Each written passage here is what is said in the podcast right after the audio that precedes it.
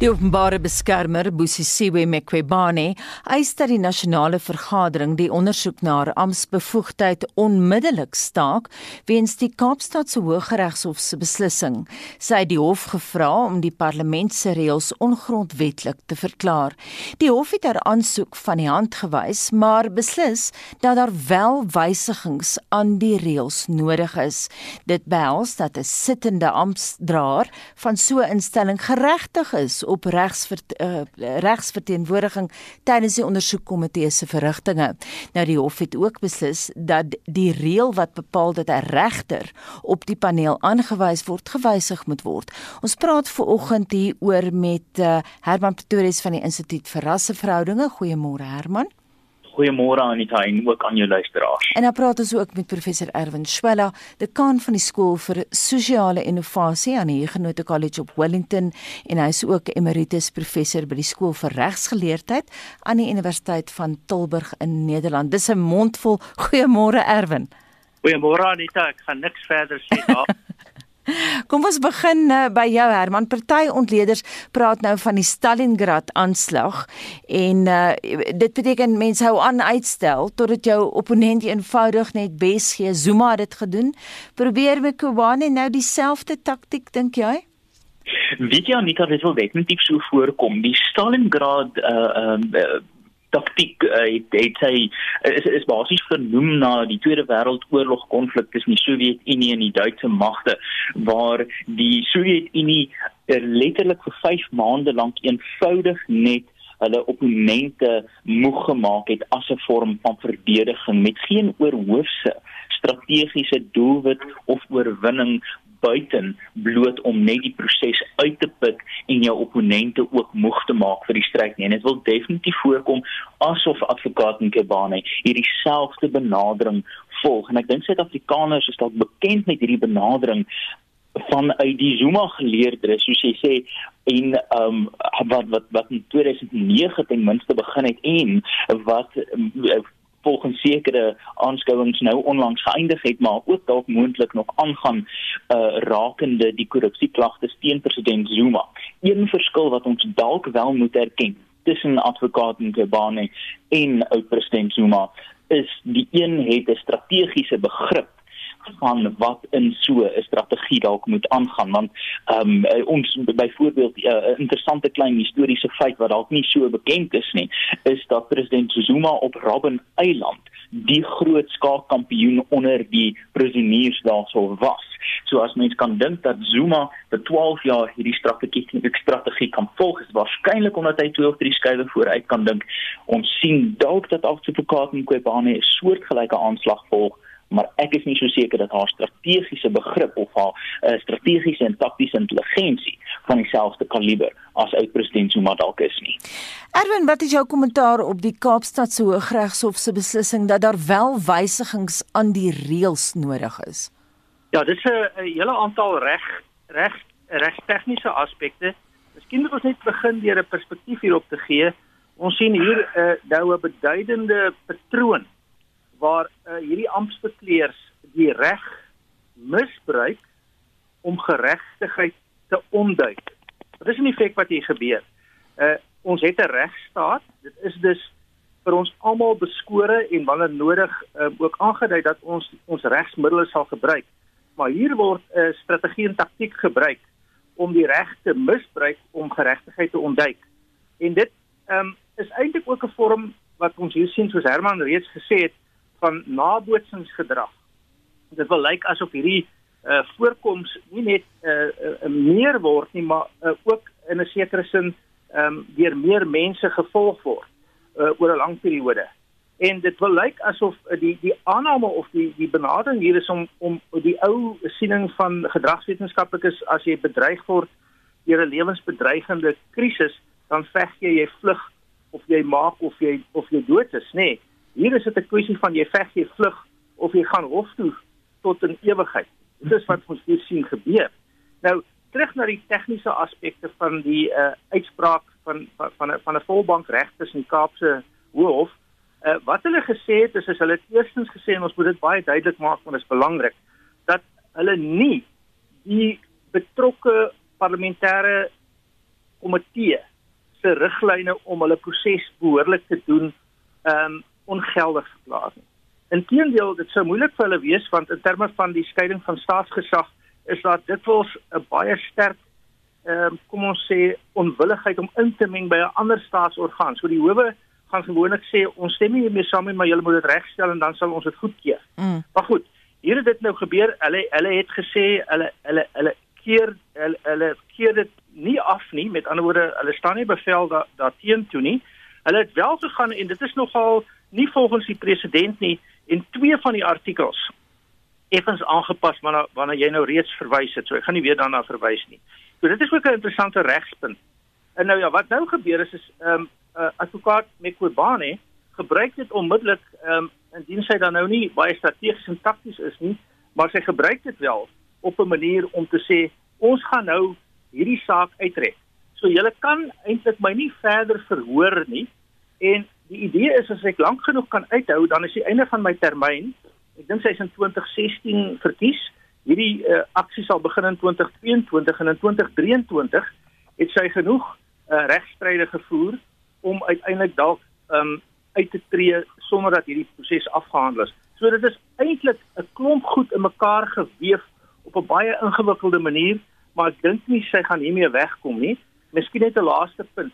Haar geskiedenis is een van meestal verloor in hofsaake mm. uh, wat hier nou aangegaan word en een van die dinge wat haar eintlik al redelik bestraffend getref het, is groot kostebevele teen haar. So sy het al soos die president voormalige president nou uh um geleer het uh, uh, dat miskien gaan jy nou nie uiteindelik tronk toe nie, maar jy kry wel 'n vorm van uh bestraffende optrede van die howe want hulle laat jou 'n groot hoeveelheid regskoste ehm um, teen die hoogste koste moontlik uh, betaal ehm um, uit jou eie sak. Hmm. Kom ons kyk na die aanloop hier na toe Herman 'n uh, onafhanklike paneel wat nog deur die nasionale vergadering se spreker aangestel is, het eenparig bevind dat daar prima facie getuienis is om Mekwebane uit haar pos te verwyder. Mens kan nie glo dat sy dit reg kry om so aan die pos vas te klou nie. Ja nee, kyk, ek moet sê sy sy sy klou amper soos uh, soos 'n desperate jeugdige wat nou pas 'n TV uit 'n gamewinkel gekry het 'n paar ja. weke gelede. Want hier is 'n baie duidelike uh, momentum teen haar en haar posisie, maar ek dink ons kan dalk ook oorweeg hoekom sit ons in hierdie posisie. Ehm um, die eerste punt is ek dink natuurlik ehm um, Kobane het al ehm um, haar haar eie oortuigings duidelik gemaak wie sy 'n wyle gelede gesê het net God kan haar uit haar posisie uitlig. Nou duidelik is God baie geduldig. Uh en die ander kwessie is ehm um, natuurlik hoekom is sy so verskans? In haar posisie en ek dink hier is 'n grondwetlike les wat Suid-Afrikaners en die Suid-Afrikaanse regsbank en konstitusionele bestel dalk moet leer. Is daar word baie kere gesê dat die Suid-Afrikaanse presidentskap so magtig volgens sommiges oormagtig omdat dit ontwerp is as posisie vir Nelson Mandela. En Ek dink ons sit nou in 'n situasie waar ons kyk na die nagevolge van die verskansing van die openbare beskermer as amper 'n hoë regshof gelyke grondwetlike aanstelling of amptsbekleer omdat die uh, vorige openbare beskermer uh, natuurlik advokaat Marcella hmm. so gerespekteerd was en natuurlik haar self 'n vyand van die destydse regering gemaak het. Toe is daar deur klomp uh, wetlike en regsopinies en insette verskans aan haar posisie om haar te beskerm teen 'n uh, antagonistiese regering, maar ek dink ons sien nou die gevolg van daai tipe ontwerp 'n spesifieke posisie vir 'n spesifieke amptdraer. Ons sien nou dit werk nie heeltemal mooi nie. En iets wat ek dink baie belangrik is om te om, om te um, wat vir my vreemd is uit hierdie uitspraak is artikel 57 verskoon van die grondwet maak dit baie duidelik dat die nasionale vergadering en die parlement en die uh uh nasionale raad van provinsies hulle eie reëls en regulasies kan maak. En dit is my vreemd dat regter Baartman in hierdie uitspraak amper die regsbank aanmaan om nie betrokke te raak by sulke parlementêre politieke kwessies nie, maar sy doen dit deur betrokke te raak by parlementêre of politieke kwessies in stryd met ehm um, soos professor Swela sê, die president, uh, die die regspresident en ook in stryd met artikel uh, 57.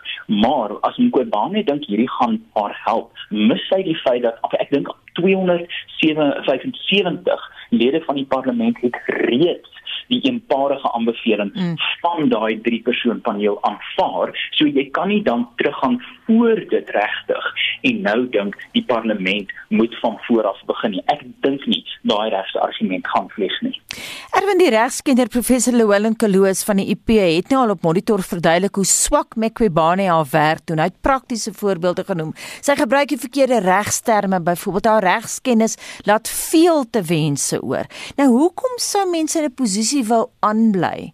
Gegee eh, weet as jy nie jou werk kan doen nie en jy weet dat mense jou nie daar wil hê nie, dat gerespekteerde mense in die establishment haar baie duidelik daar haar nie daar wil hê nie. Hoekom sou sy wou klou aan haar pos? Uh, kom ons sê net eers wat sy veronderstel is om te doen as 'n uh, en ons het uitstekende knap regsgeleerdes in die land. So dit word dan 'n vraag hoe beland so 'n besondere kom ons sê dan nou maar alle aanduidings dui aan dat sy onbekwaam is. Hoe beland so 'n persoon in hierdie amp? Ehm um, maar wat sy eintlik moet doen is sy moet met die nodige kundigheid die feite vasstel en daarvoor is daar proses regtelike moontlikhede en dan moet sy die reg daarop toepas sy en haar en haar amp eh, binne haar amp en binne haar kantoor. Nou, um, dit is dit dit verg insig en wysheid. So ons moet dus teruggaan en sê hoe is hy aangestel? Met haar aanstelling was daar ernstige bedenkinge oor haar bekwaamheid. Sy kom uit 'n relatief skadeagtige agtergrond uh, waar sy sterk verbintenisse het met die gehad het in die staatsveiligheidsagentskap.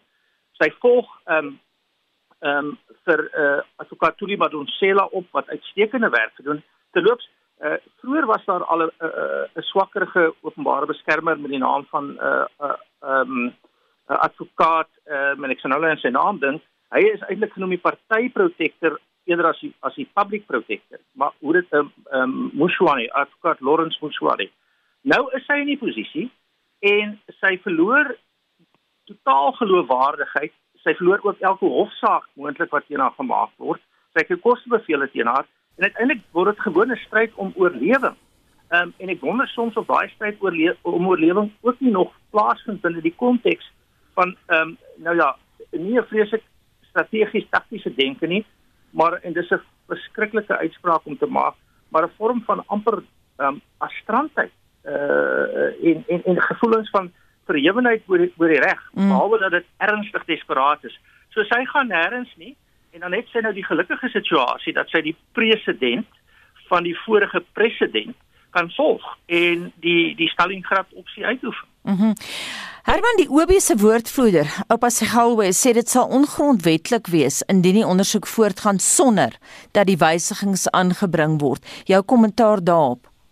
Um, kyk dit lyk my oupa se goue het na die Bosisiwe en Kwebane skool van regsleer gegaan want dit is nie wat die hof bevind het nie.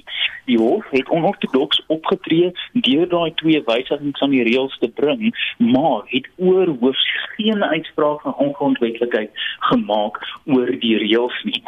En hy die die die openbare beskermer en um, haar kantoor moet ook besef dat die die feit dat daar 'n uh, adviserende bevindingspaneel opgestel is wat 'n verslag en die prima facie 'n basis um, geïdentifiseer het en dat dit dan oorgegaan het aan 'n volledige stem van die nasionale vergadering wat dit met 'n groot meerderheid aanvaar het is dit amper uh, wat mense dalk as 'n as 'n as 'n fancy regswoord so vroeg op 'n môre mag noem uh, 'n novus actus interveniens verstaan dit is 'n nuwe daad wat ingryp hmm. om die feitelike kausale verloop van gebeure bietjie te verander. So jy kan nie nou teruggaan voor daai punt om te gaan verander nie. En dalk 'n laaste punt Anita is dis baie interessant as mens ek het die aanstelling van die openbare beskermer destyds in 2016 baie noukeurig gevolg en ek onthou een ding van Mqobane se verskyning voor die uh voor die parlement uh, liggaam wat my baie in die keel uh, gesteek het en dit was die feit dat sy gesê het die openbare beskermer is daar om die regering help om sy mandaat van regering uit te voer. En ek dink as mens na haar hele termyn as openbare beskermer kyk, deur daai erkenning, deur daai lens van insig, dan sien mens dat eerstens hy haarself nooit as openbare beskermer gesien nie mm. en tweedens die regering wat sy wou help is dalk die een van 'n voormalige president. Dit klink net vinnig bevestig net of ek jou reg verstaan. Dit klink of jy praat dat sy eintlik haar rol sien as die van 'n lakai. Ek dink so of 'n pion. Die parlement sê nou hy gaan regsadvies inwin oor watter rigting om in te slaan. Wat kan ons van die parlementêre regsadviseurs verwag, Erwin? Hulle werk elke dag met die publiekreg en die uh, staatsreg en die grondwetlike reg. So uh, dit, dit dit sal goeie advies wees, maar hulle sal waarskynlik ook geadviseer word deur deur senior advokate. Ek dink daar's 'n ander ding hier Anita wat my wel uh sedert ons nou hieroor praat uh, aan die ding gesit het. Dit wil lyk asof hier 'n uh, tipiese menslike gedragsterme sistemies 'n reaksie kom van ons howe. Die howe weet ook mos nou soos ons almal. Hulle het kennis geneem van hierdie Stalingrad stollingsopsies. En dit wil lyk asof die howe want dit is vir my vreemd dat dat die dat die volbank van die Kaapse Hooggeregshof so opge, opgetree het. Nou wat hulle dan doen is is dit is ook 'n bietjie die geval dink ek by die konstitusionele hof. Almal weet al wat hier aan die gebeur is mm. en dan maak hulle vreemde uitsprake ehm um, waarvoor dan nie presidente bestaan nie na my mening ook nie ehm um, goeie goeie regsgronde is nie om te antisipeer. Hulle verwag eintlik ehm um, dat as hulle as hulle nou uh, uh, nie toegee aan 'n eis nie, dan gaan sy op appel. Ja. Ehm uh, en en en hulle uh, en, en dit maak dit baie uh, gekompliseer want want dit dit dit tas regsekerheid aan. So op een of ander wyse is hierdie gedrag van die van die plegers van hierdie soort opsies besig om die howe te beïnvloed op 'n vreemde manier, op 'n soort perverse manier, voel ek. Dit is geen ek ek ek ek, ek, het gee, sê daarmee geensins dat ek die howe se gesag afkraak nie.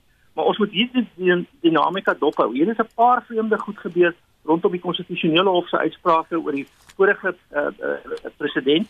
Ook onder andere uh, as gevolg van wat ek gedink gedink het 'n goeie regstrategie was van regter Zondo om reguit konstitusionele hof toe te gaan. Maar toe maak hulle 'n interessante uitspraak want hulle verwag eintlik wat meneer Zuma gaan doen. En dieselfde begin hier geld. So nie net leer die die die die uh, uh die aanstigters van hierdie goed nie, maar die howe leer ook en ek is nie altyd seker of dit goed is vir die regspraak en die konsekwentheid daarvan. Baie dankie en daai kommer word uitgespreek deur professor Erwin Swelle, hy is dekaan van die skool vir sosiale innovasie aan die Genote College op Wellington. Hy is ook emeritus professor by die skool vir regsgeleerdheid aan die Universiteit van Tilburg in Nederland en ook deel van hierdie gesprek vanoggend was Herman Pretorius van die Instituut vir Rasseverhoudinge.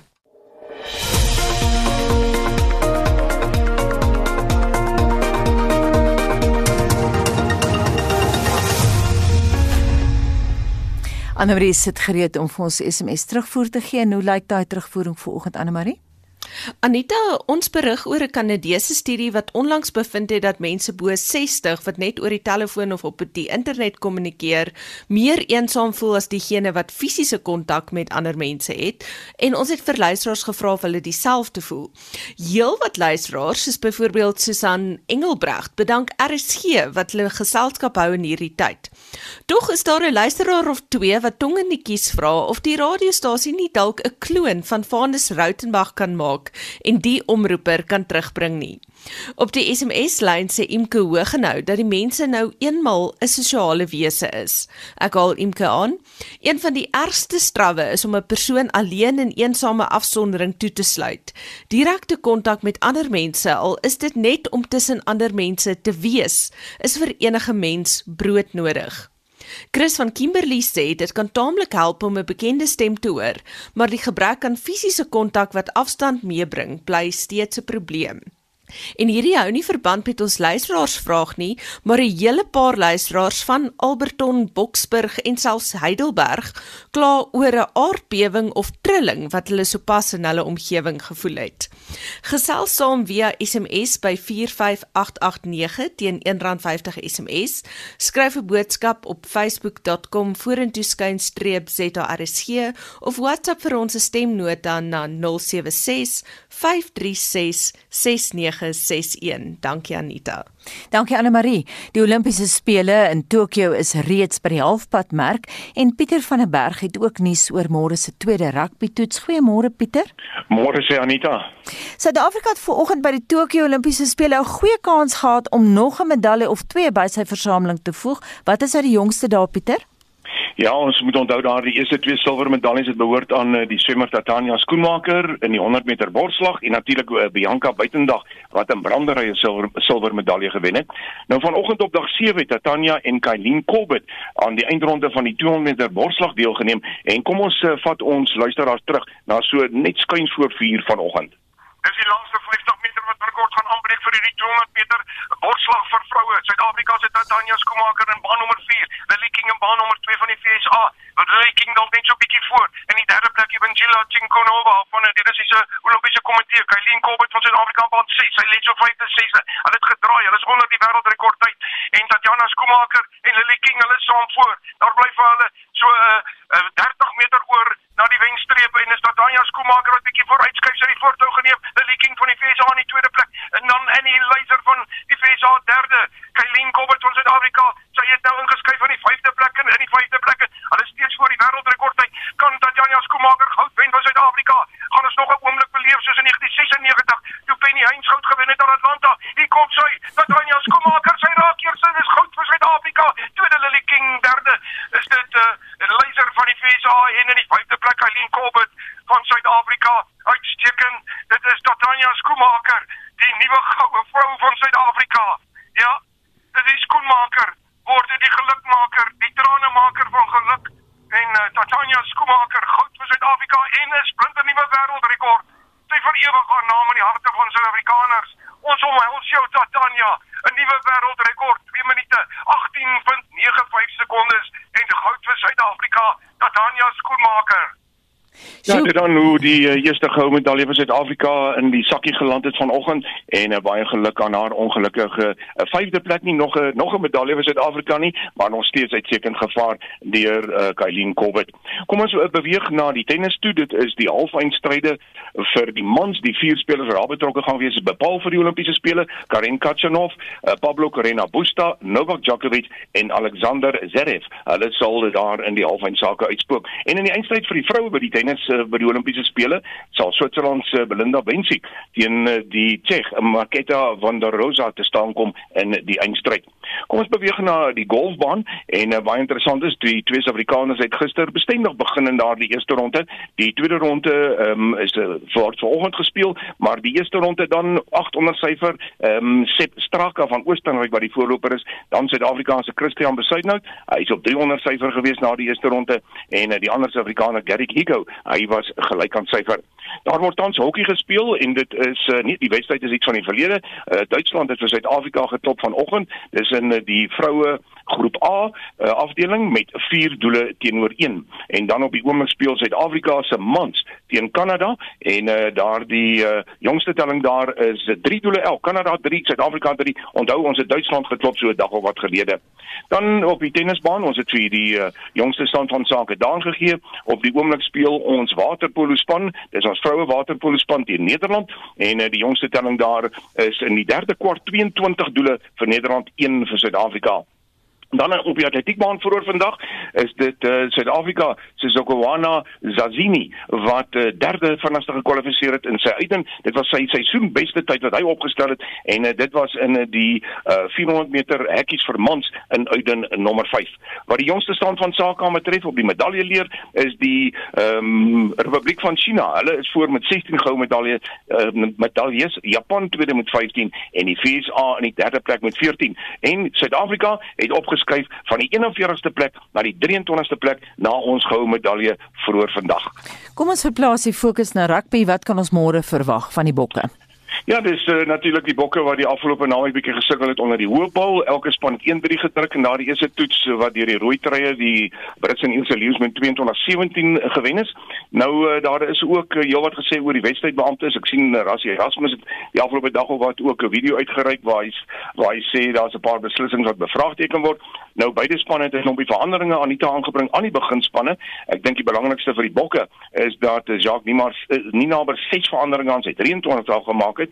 Steven Kutsoff, hy is op loskop, loskop en dit sal sy 50ste toets wees wat hy speel. Frans Malherbe, hy sal die vaskop wees en Jasper Wiese, hy sal op 8ste man uitdraf. Aan die Lions kant is daar drie belangrike veranderings in die beginspan. Die loskopstit is Marco van die Paula, skrimskankel Connor Murray en die buitesenter Chris Harris wat in die begin 15tal opgeneem is. Daardie afskop is môre aand om 6uur en dis weer in Kaapstad en Johan Rademan sal sorg vir gereelde verslae. En dan is daar ook Currybeek reaksie vanaand is dit die Lions teen die Pumas of vanmiddag eerder kwart voor 5. Dis in Johannesburg. Vanaand om 7uur eh, pak die WP en die Bulle mekaar op Nieuweland in Kaapstad en môre om 0.30 is dit die Haie teen Griekwas en Dion Skuman sal gereeld verslag doen oor daardie wedstryd. En jy het vir ons ander golfnuus nie net die golf van die Olimpiese spele nie. Vertel ons daarvan. Ja, dis die Noord-Ierse Ope of dan ook genoem die wêrelduitnodigingstoernooi vir mans en vroue. Die eerste ronde is gister afgehandel. Jordan Smith, uh, Smith die voorloper op 800 syfer met Matthias Schmidt in die tweede plek op 600 saam met David Drysdale. Ja, Kruiswyk van Suid-Afrika, hy's daar 11de op 300, Henny Du Plessis op 200 en Jaden Skyper op 100. En dan gaan ons na cricket toe. Wat gebeur daar? Ja, gister een wedstryd gespeel, dis die derde T20 gewees in Colombo tussen Sri Lanka en Indië. Nou Sri Lanka het daardie wedstryd met 7 paadjies gewen. Hulle hulle is nou uh, eh, 2-1 voor in die reeks teen Indië. Vandag speel die Wes-Indiese eilande teen Pakistan, dis in 'n T20 wedstryd en dan Sondag sal die Wes-Indiese eilande en Pakistan mekaar ook pak en daardie wedstryd sal om 5:00 begin.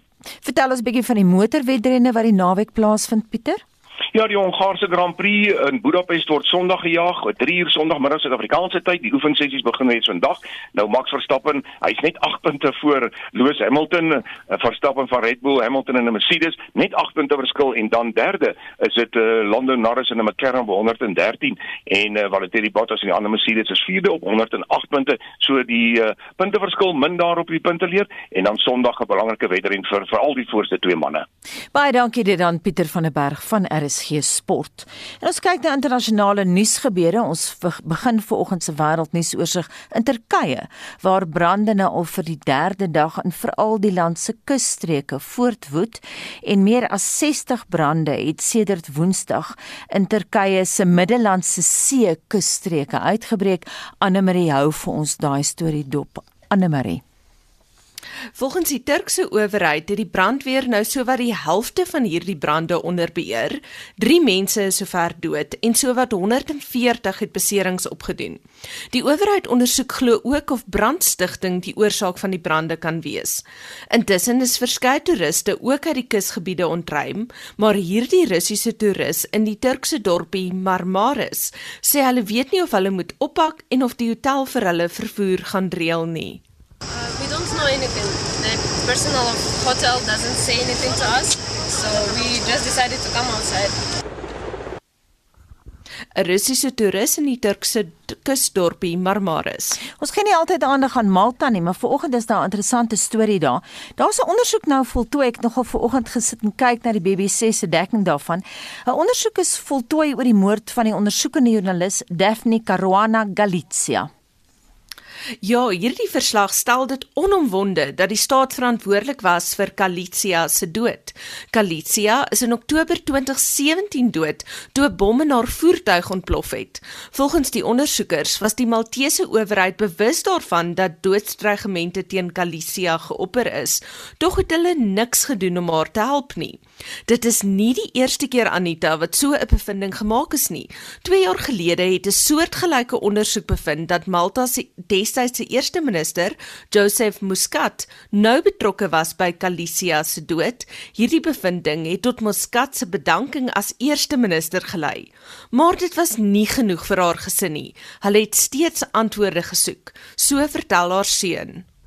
we ended up in this very difficult situation where a lot of the people whom she investigated ended up investigating her own murder. And I mean, that makes things very difficult, and it's in part why we're, we're calling for this public inquiry. It's really important in a, in a deep personal way because you feel like up until you have this full and complete picture, up until you can finally stop asking, could we have done anything differently? Could the state have done anything differently? Then you feel like you can't grieve. Galicia was 53 jaar oud ten tye van haar dood. Sy was vir 30 jaar lank 'n joernalis en is deur sommige as Malta se eie WikiLeaks beskou. 'n Paar maande voor haar dood het sy berigte gepubliseer wat die eerste minister aan die sogenaamde Panama Papers verbind het. Dit het daartoe gelei dat die regering 'n vroeë verkiesing aangevra het. Maar volgens hierdie week se verslag wat uit 437 bladsye bestaan, het haar kritiese verslaggewing oor die regering ook tot haar dood gelei. En dan gaan ons na Guatemala waar ontstoke betogers nou die land se president, dit is nou Alejandro Giammattei en die prokureur-generaal se koppe eis. Ja, duisende betogers het om hierdie rede gister die strate ingevaar hulle dit volg nadat hulle gevra het dat die eh, staatshoof afgedank moet word omdat hy die regering die as namens die regering gevra het dat die nasionale vervolgingsgesag Juan Francisco Sandoval afgedank moet word. Sandoval is 'n kampvegter wat homself daarvoor beywer om korrupsie binne regeringskringe uit te roei. Sandoval het intussen uit Guatemala gevlug en sê hy glo sy afdanking spruit uit korrupsiesake wat met die president verband hou. En dit was Annelie Jansen van Vuren met 'n oorsig van vandag se wêreldnuus gebeure. En nou gaan ons na ons hoof fliek Floy Leon is jy daar? Ek is hier so liewe Anita, hier is ek. Goeiemôre. Môre. Leon 'n reeks oor die sogenaamde afspraakmoorde. Ek onthou hulle baie goed monitor het hulle gedek breedvoerig. Ja. Ons het ja. nog met een van die joernaliste wat daar vir ons in diepte verslag gedoen elke dag omtrent oor elke tweede derde dag gepraat. Was 'n storie wat die volk se verbeelding vreeslik aangegryp het. Nou is die reeks word nou genoem Devil's Dorp. Hoe is dit gemaak? Wat dink jy daarvan? Is dit op standaard? Anita, dit is briljant. Ek noem dit eintlik 'n klein meesterstuk. Hmm. Ek moet waarsku, Devil's Dorp is so brutaal ontstellend dat ek dit nie in een sitting kon kyk nie. Mense bestorm die koue lug buite en asem die -2 grade gulsig in net om te vergeet wat jy gesien het en weer tot jou sinne te probeer kom. Was dit 'n werk van fiksie, sou jy gemor het, ag nee, wat te ver gesog. Maar in hierdie deeglik nagevorsde en intense ware dokumentêr is dit dan die waarheid wat jou kat swing slaan. Luisteraars, soos jy gesê het, onthou dalk die hofsaak waarin 'n groep mense in Krugersdorp aangekla is van die sogenaamde afspraakmoorde, gruisame moorde op onskuldiges. En eh, toe die moordenaars in die hof verskyn, het sommiges nonchalant probeer om hulle skouerophalend daaruit te wurm. Dis miskien die ergste tot gewetes begin brand het by sekeres. Daar is geen verteller nie die joernaliste wat die saak ondersoek het, prokureurs en familielede van slagoffers praat openhartig oor wat gebeur het. Hmm. Maar dis die balans tussen die gebeure rondom die moorde en die gevolge daarvan wat jou plat staan. Byvoorbeeld, een van die joernaliste het 'n verhouding met die veroordeelde moordenaar Leroux Steyn in die tronk aangeknoop. Hmm. Ook die feit dat die vervaardigers die gebeure so saaklik en insiggewend hanteer, maak dit 'n uitmuntende dokumentêr. Nou Devil's Dorp se 10 uit 10 mag skok want die uitwerking van die reeks al ken mense die gegewe is asof jy aan 'n lewendige kragdraad vat maar as jy die moed het om jou in die binnekring van absolute totale boosheid te begewe mag Devil's Dorp 'n ervaring wees wat vir weke lank by jou sal skoop maar oppas nou op Showmax hmm. Op ligtertrand Normal People gaan nou oor twee skoolkinders wat in Ierland op mekaar verlief raak. Dit klink 'n bietjie stroperig. nee, Noble People is 'n winterreeks wat jy met 'n koppie sjokolade kan geniet. Weet net daar is naaktheid en seks met 'n 18 beperking. Twee matriekleerders raak in Ierland op mekaar verlief, maar waar dit gewoonlik gaan om wie eerste wie se klere afstroop, gaan dit hier om twee verantwoordelike leerders wat besef 'n verhouding is vol knaps kerels, jaloesie, misverstande en pyn. En dis wat hierdie reeks wat uh, beweeg oor terwyl hulle ouer word toeganklik en in goeie smaak uitbeeld. Dis op Showmax.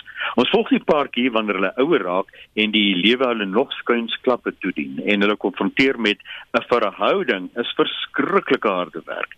Dit gaan nie net oor blomme en na die matriekdans toe gaan en briefies vir mekaar in die klas gee nie en wat daarna volg nie. Novel people 8 uit 10 dit gee 'n waardigheid aan tienerstemme en jong mense se stemme later op universiteit. Showmax. Fliekteaters is van vandag af weer oop en die grootste lokkas daar is Fast and Furious 9 The Fast Sage.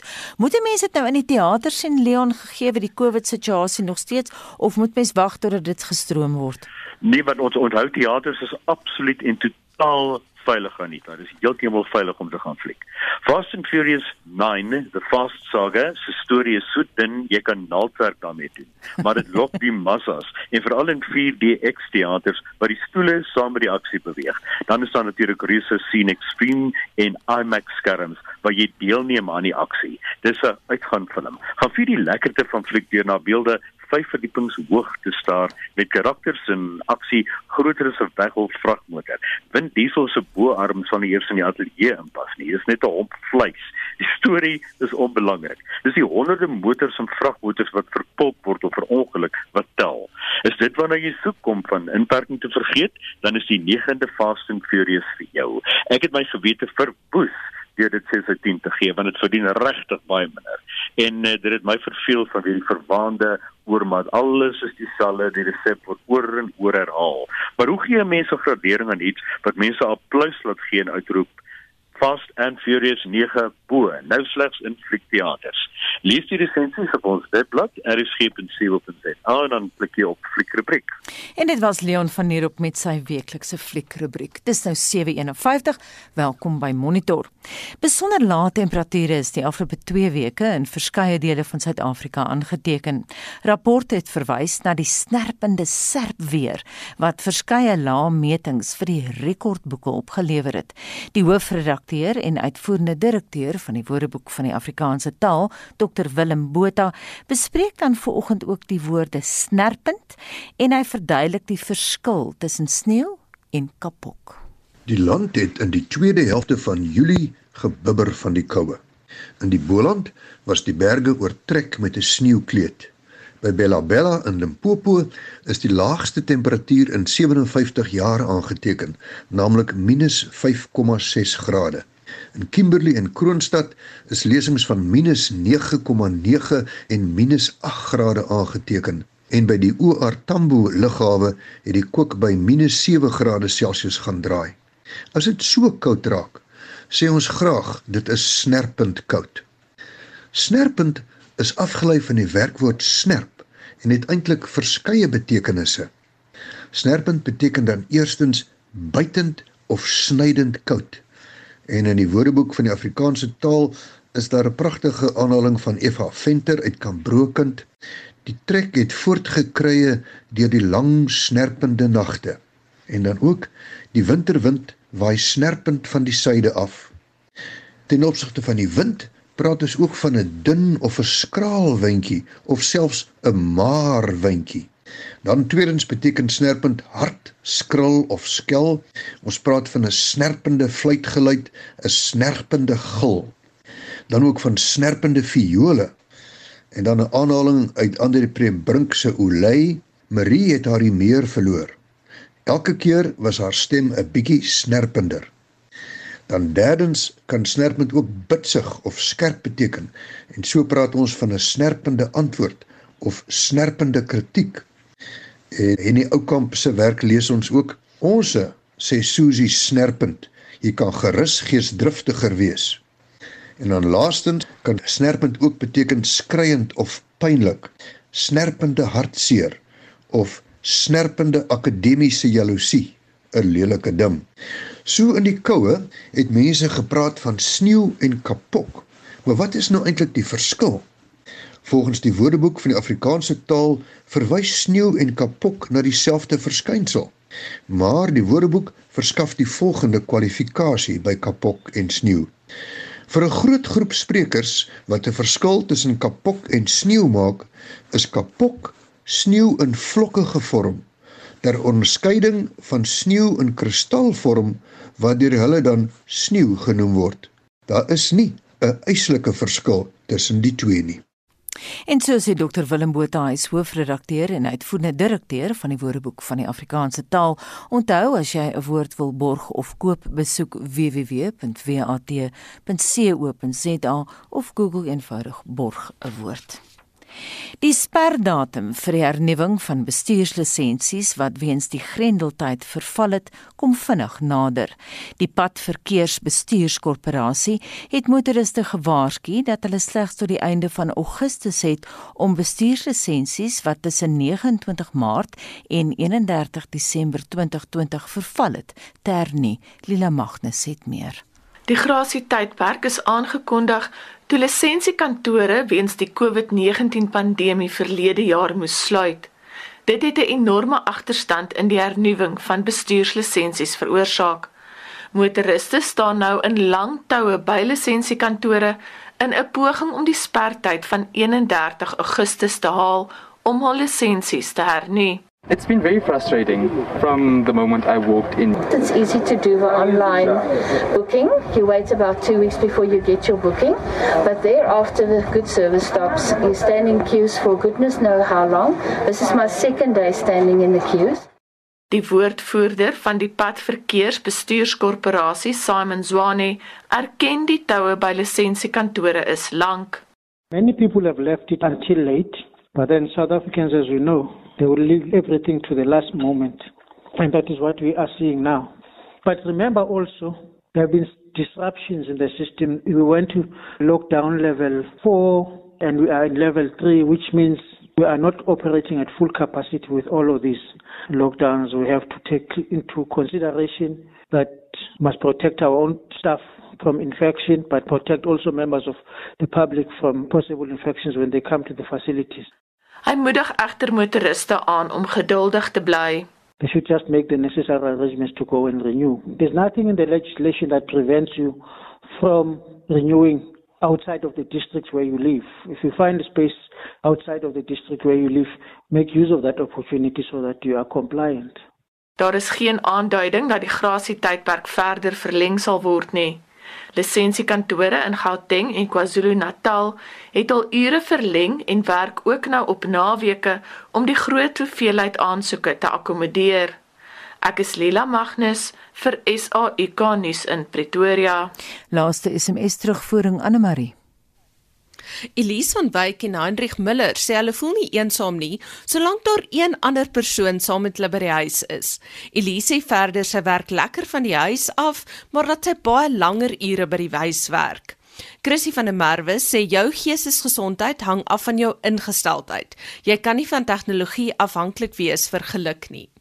Rex Bester sê hy steek sy kop waarskynlik in 'n bynes om by 'n nes om met kundiges van 'n universiteit se navorsing te verskil, maar hy sê my mening is dat waaroor berig word oor 'n meer meer breër spektrum van ouderdomsgroepe strek, met ander woorde moontlik ook van toepassing op die jonger geslag en nie net op die ouer garde nie. Baie dankie vir julle luisteraars terugvoer vanoggend.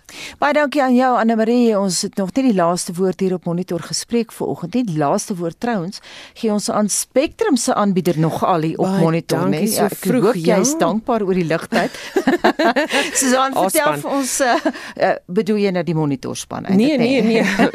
Hoor ek gou sê gou in Spectrum luister, gaan ons luister na wat die stigter van die Treatment Action Campaign, Zaki Ahmad sê oor die Menseregte Kommissie wat sê niemand kan gedwing word om 'n enstof te neem nie. Ag Agmat het destyds geweer om antiretrovirale middels teen HIV en vigs te neem voordat dit nie aan almal beskikbaar gemaak is nie.